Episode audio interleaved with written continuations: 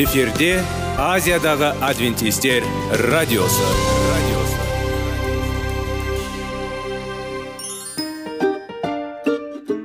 Сәлем достар. Денсаулық өмір бұлағы және біздің бірінші байлығымыз демекші денсаулық сағаты рубрикасына қош келдіңіздер. Біздің рубрикада біз әртүрлі факторларменен мәліметтерменен кеңестерменен бөлісіп шын жүректен сіздердің дендеріңіз сау болғанын қалаймыз. Сол үшін біздің рубрикаға қош келдіңіздер.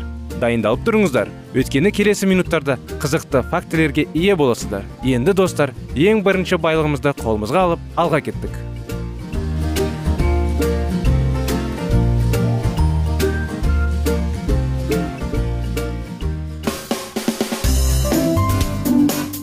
Денсаулық туралы хабар. Денсаулықтың ашылуы. Күн сайын сөз үшін күшті кеңестер соңғы жаңалықтар қызықты факторлар. Біздің рубрикада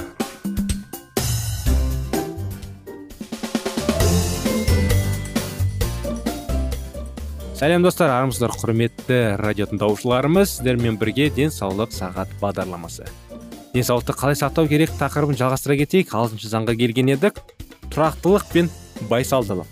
Адам ағзасының жасушасының тіршілік әрекетін қамтамасыз ететін белгілі бір химиялық құрамы бар. Мысалы ағзаның қалыпты жұмыс істеу үшін 100 миллиграмм күн үшін қан үшін 10 миллиграмм кальций қажет. Егер ағзаға қажетті кальцийдің жартысы ғана түссе онда адамда құрысулар басталады. Егер қандағы кальций мөлшері бір жарым есе жоғарыласа қысым күрт жоғарылайды және кома басталуы мүмкін. Сондықтан тіндер мен ағзалардың теңгерімді тамақтануы қолдау қажет. Біз жиі сыртқы ортаның жағымсыз әсерін сенуіміз керек. Біздің ағзамыз оларға қалай жауап береді? Мысалы ыстық жаз күні. Біз жақсы жеделдеген бөлмеден шығамыз. Онда қосу 200 температура тұрақты ұстап тұрады. Онда қосы 400-ге жуық температура және адам денесінің қалыпты температурасы 36-60 болуы тиіс.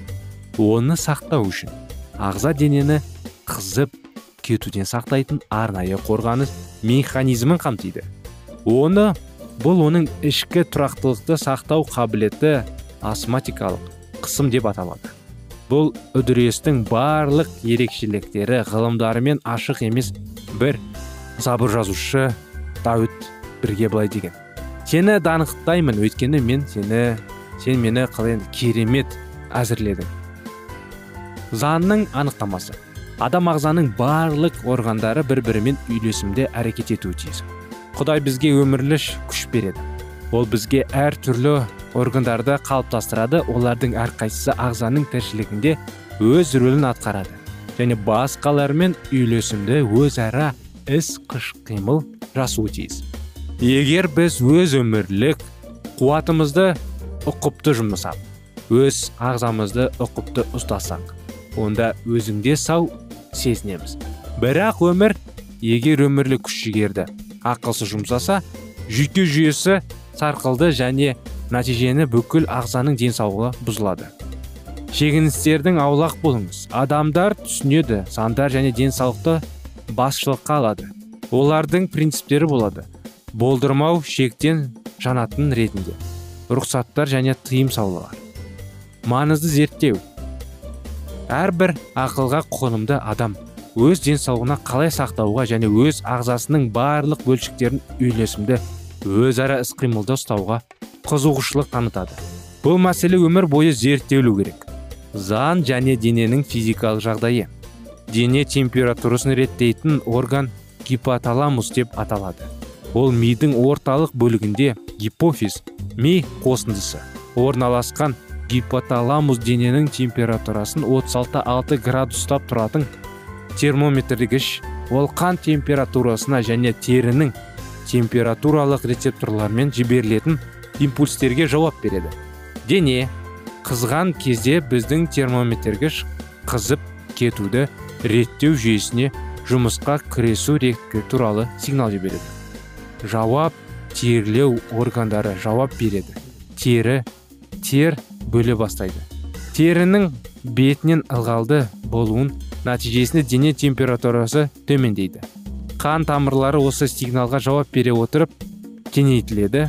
Бұл ағзаның ішкі тұрақтылығын қолдайтын көптеген таң қаларлық механизмнің бірі ғана.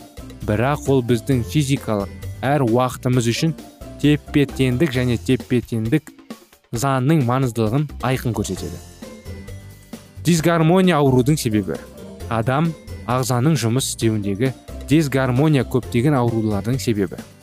Органдар бір бірімен үйлесімде жұмыс істеуі тиіс. Әсіресе жүректің алыс жатқан дененің барлық бөлшектері бөліктерін қанмен жақсы қамтамасыз етуі тиіс. Аяқ қолдар маңызды рөл атқарады және маңызды назар аударады. Аяқ қолдың салқындауы жиі суыққа әкеледі. Тұрақты тамақтану аурудың алдын алуға көмектеседі. Үнемі тамақтану өте маңызды. Әрбір тамақ ішуге белгілі бір уақыт бөлу керек.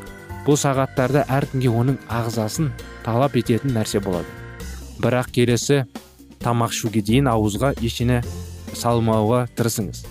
Адам ағзасы тамаққа мұқтаж болмаған кезде жиі жейді. Негізгі тағамдардың арасындағы аралықтарда. Өйткені оларда ерік күш дамыған және олар өзінің сенімсіз ниеттермен тәбетіне қарсы тұра алмайды.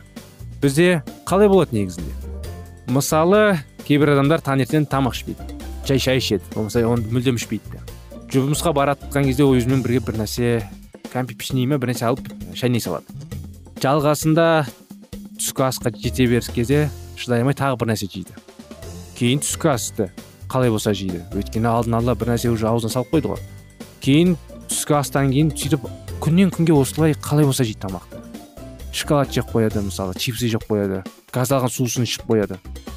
Соның бәрі аздан кешке кейін асқазанға кедергін жасап жасап кешкісін не істейді үйге келіп әрине дайын тамаққа келіп тойып тұрып тамақ ішеді.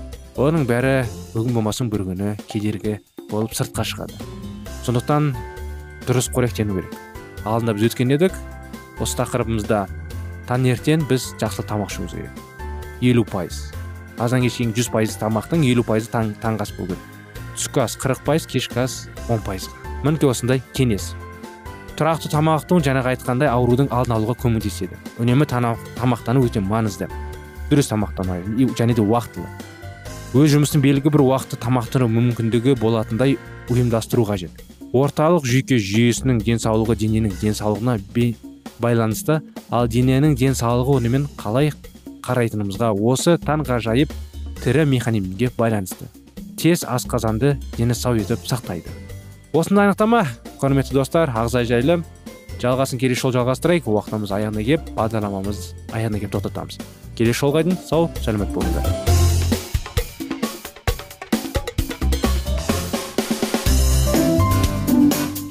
Денсаулық туралы хабар. Денсаулықтың ашылуы. Күн сайын сөз үшін күшті кеңестер соңғы жаңалықтар қызықты факторлар біздің рубрикада.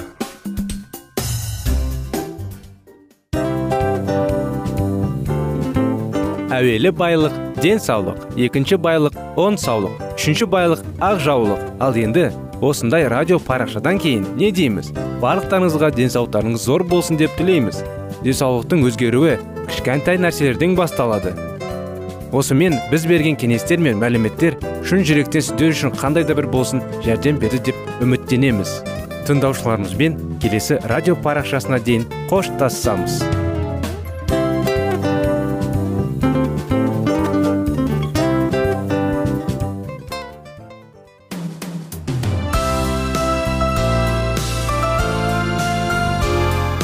эфирде азиядағы адвентистер радиосы.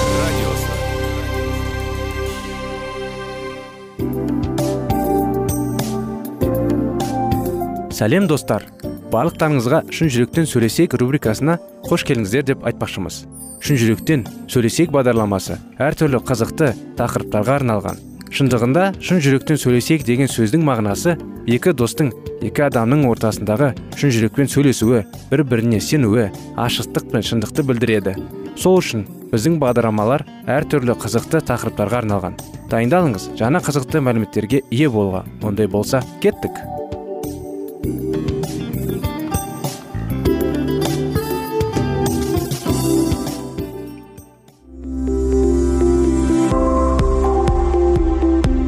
алтын сөздер. Сырласу. Қарым қатынас жайлы кеңестер мен қызықты тақырыптар. Шын жүректен сөйлесейік рубрикасында.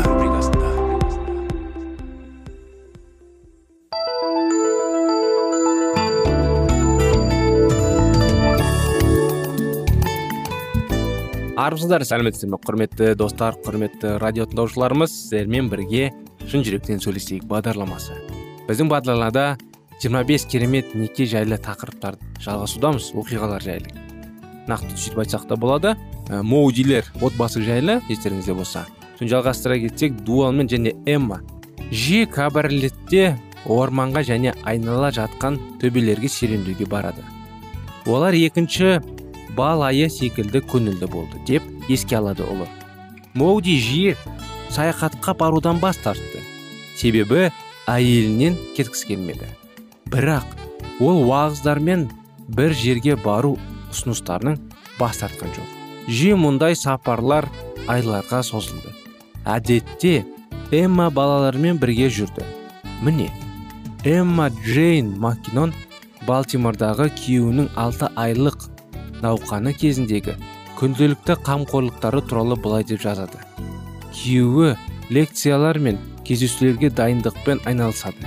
Мектептегі балалар ал мен бәріне аздап айналысамын. Хаттарға дуайт үшін жауап беремін. Келушілерді қабылдаймын. Оған қолымнан келгеннің бәріне көмектесемін. Біраз нәрсе сияқты. Бірақ түнге қарай мен өте шаршадым. Ол жүкті болғандықтан қатты шаршады. Келесі көктемде олардың үшінші баласы болды. Пол дуайт моуди дүниеге келді. Не деген керемет. Ол 10 жыл үлкен ұлы уилден кіші болды. Балалар өсіп дуайтта және эммадан алдаушылықтың жаңа себептері пайда болды. Мысалы уилл ел университеті жанындағы колледжде оқуға кеткенде футбол ойнауға тыйым салған. Дуайт ол менің ойымша жарты сағат көңілді жүгіру өмір бойы қалай енді мүгедек болып қалу қауіпті жоқ. Бірақ оларды балалардың рухани өмірі алаңдатқан эмма былай деп жазды. Егер құдай бізді балаларды қалай енді нәрестелер жасаса бұл біз оны сұрай алатын ең жақсы нәрсе болады муди уилл үлкен ұлы рухани мәселелерге бей жай қарамады деп алаңдатты. Бір күні ол уиллға үлкен хат жазды. Мен сенімен сенім туралы аз айттым. Өйткені мен сені осы әлемнен артық жақсы көретіндіктен алыстатайсың деп қорықтым. Егер мен әкемді және мәсіхшіні қолдамайтын бірдеңе жасадым мен сізден кешірім сұраймын. Мен әрқашан егер анасы мен әкесі мәсіхшілер болса ол олардың балалары жоқ деп ойладым мен қазір де ойлаймын. Егер мен үш баламды нашар ойлаған болсам онда қалай енді? Өлгенім жақсы болар дей ма? Эмма уилге өзінің қауіптері туралы айтты. Ол колледжде болған мәсіхтің өміріне тыс қалды. Ол жазды былай деп. Менің білуімше әкем мұнажат үшін рух құдайдың келтіреді. Сені онымен бірге мен де бұл туралы дұға етемін. бір жылдан кейін уилл мәсіхке өз сенімін ашық түрде мойындады. Дуайт бұл туралы белгіде ол оған менің ойымша өз ұлым болған кезде. Сіз қазір қандай дәрежеде бақытты екеніңді түсінесіз. Кіші ұлы жынысы әкесіне қарағанда анасымен көп сөйлескен. Пол эмма өз үйінде бәрі сақталған адам болды деп айнайды. Егер біздің отбасымыз мінсіз болса онда тек анасының арқасында эмма чикагодағы моуди інжел институтының негізінде де маңызды рөл атқарды. Дуайт чикаго евангелиялық қоғамының президенті болды. Ол мектепті ашты. Алайда директорлар кеңесі мен жас мамандар арасында жанжал пайда болды. Ұзақ уақыт бейтарап тарап болған боуди ақырында ол жеткілікті деп шешті. Ол президенттік өкілеттігінің өз мойнына алды. Және бұл оның тарапының өте қатал қимыл ретінде қабылданды. Сонымен қатар бұл мектептің ашылуына кедергі келтіруі мүмкін.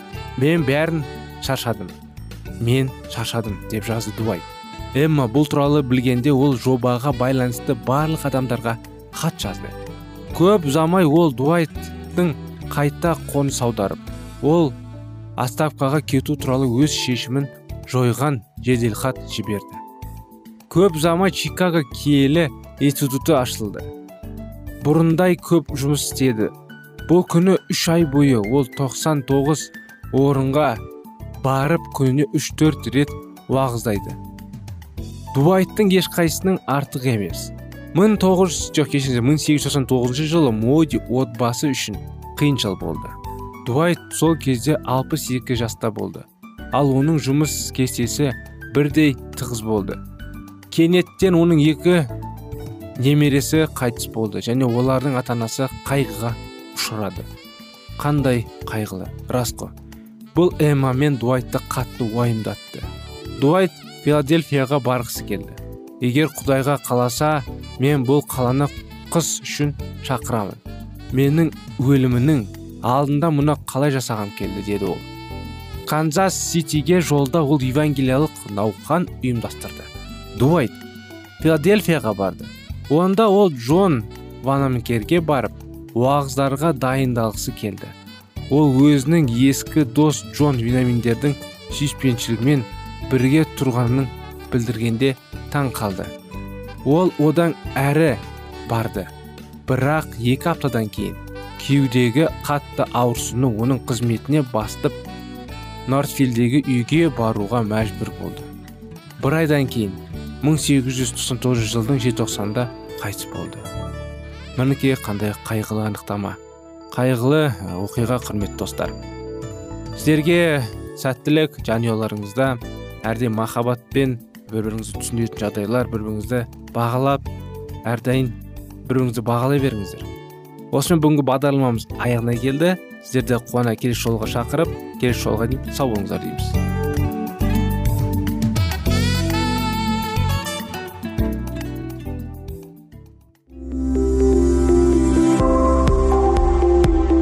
Алтын сөздер. Сырласу. Қарым қатынас жайлы кеңестер мен қызықты тақырыптар. Шын жүректен сөйлесейік рубрикасында.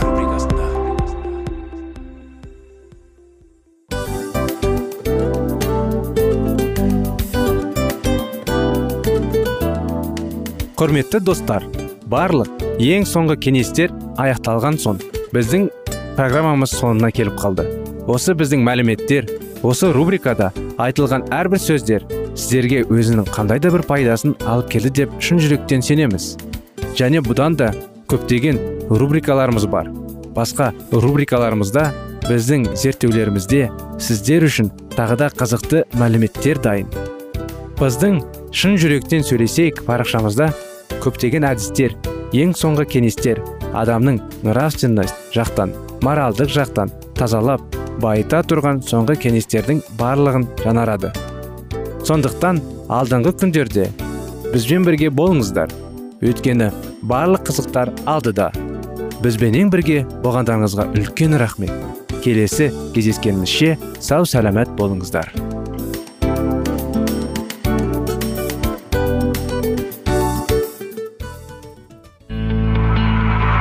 Жан дүниеңді байытқан жүрегіңді жаңғыртқан өмірдің мағынасын ойландырған рухани жаңғыру рубрикасы.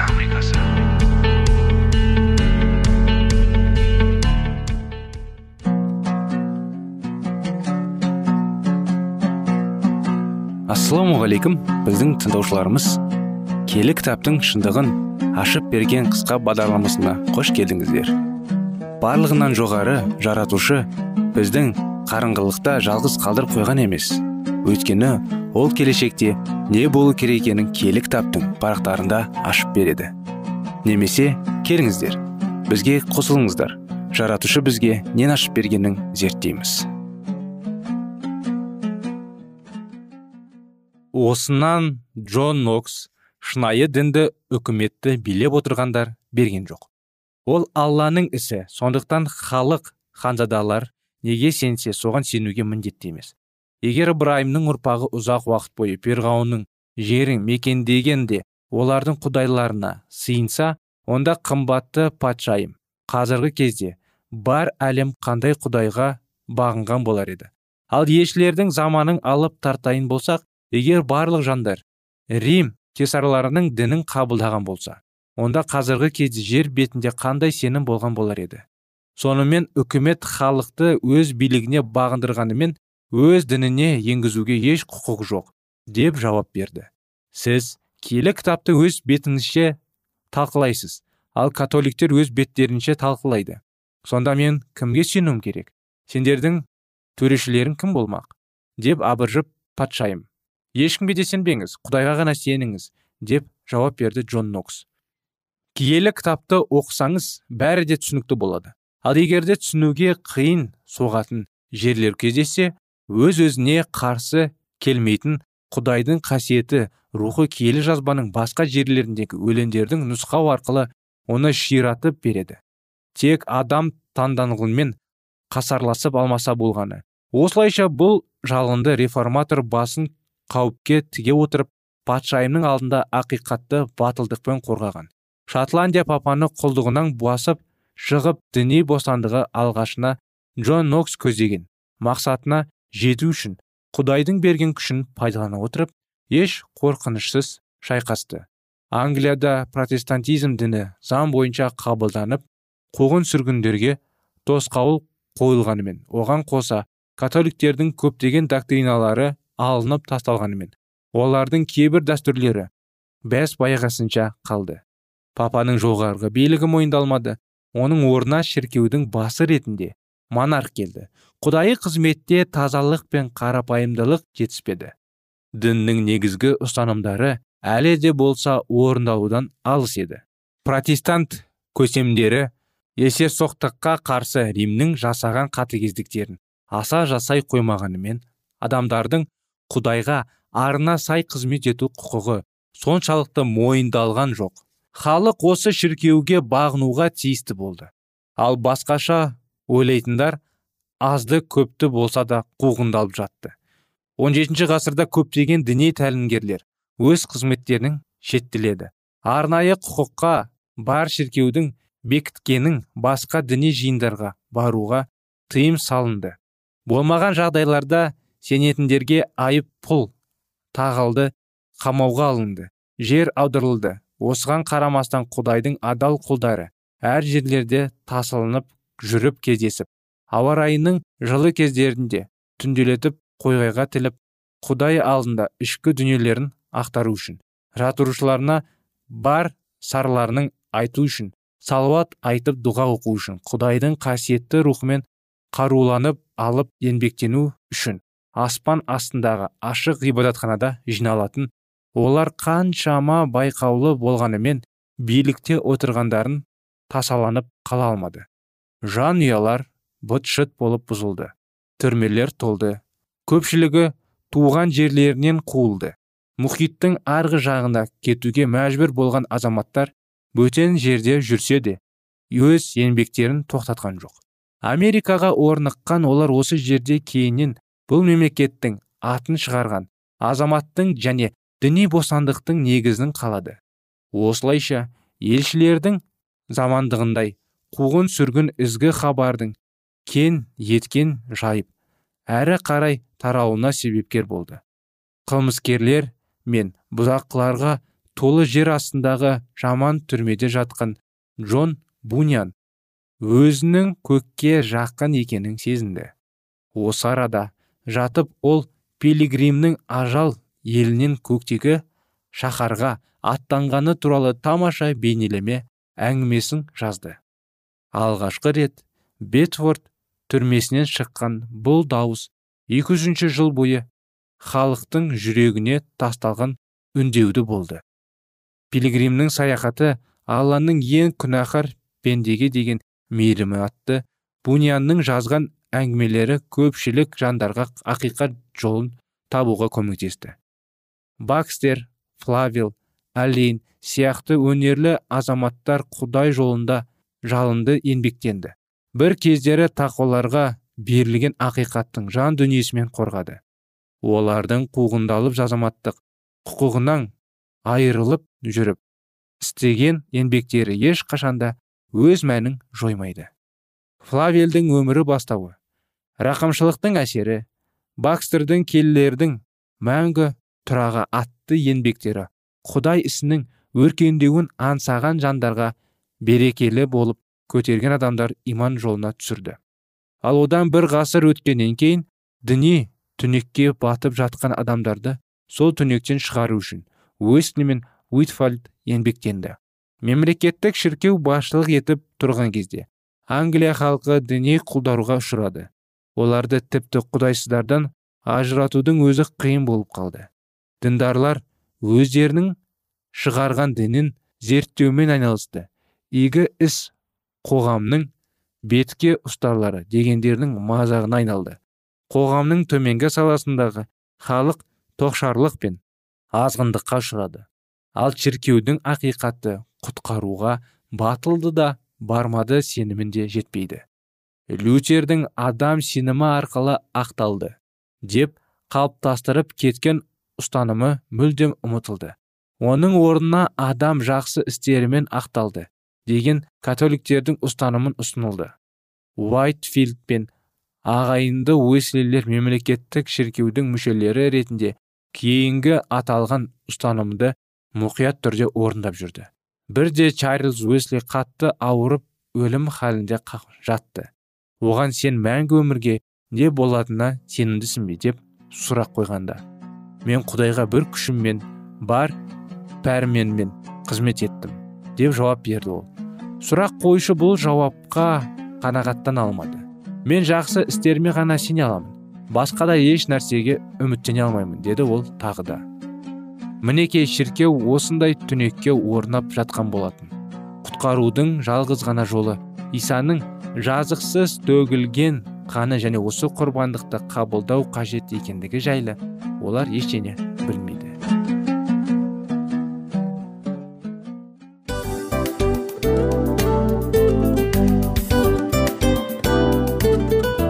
осымен достар программамыздың зерттеуіміздің ең қайғылы минутына жеттік. Қайғылы дегенде бағдарламамыз тез арада өтті де кетті. Соған көңіліміз түсейін деп тұр. Жарайды қайғыны қояйық бүгінгі 24 сағаттың алтындай жарты сағатын бізге бөліп арнағаныңыз үшін рахмет. Егер де өткен сфераларда пайдалы кеңес алған болсаңыз біз өзіміздің мақсатымызға жеткеніміз. Тыңдаушыларымызбен қоштасу уақыты келді. Келесі кездесулерді сағынышпен күтеміз. Жарты сағатты кездесуіміз көз ашып шапқанша дем арасында өтіп кетті. Бірақ бізде жақсы хабар бар. Келесі зерттеулерімізде сөзсіз кездесеміз. Өйткені көптеген сюрприздер қызықты мәліметтерді және керекті нәрселерді көбін дайындадық. Бүгінгі күндеріңіз өзгеше позитивті болсын. Жақындарыңыз аман есен болсын деп тілейміз. Жаратқан ие барлықтарыңызға батасын берсін. Істеген істеріңіз игілікті болсын. Келесі кездескенше сау саламат болыңыздар.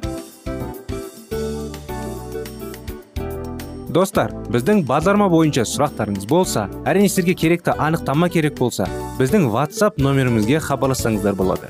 Плюс бір үш жүз бір жеті жүз алпыс алпыс жетпіс. Иә достар сіздер қателеспедіңіздер бұл біздің номерлерге ұқсас болмаса да бұл whatsapp номер арнайы.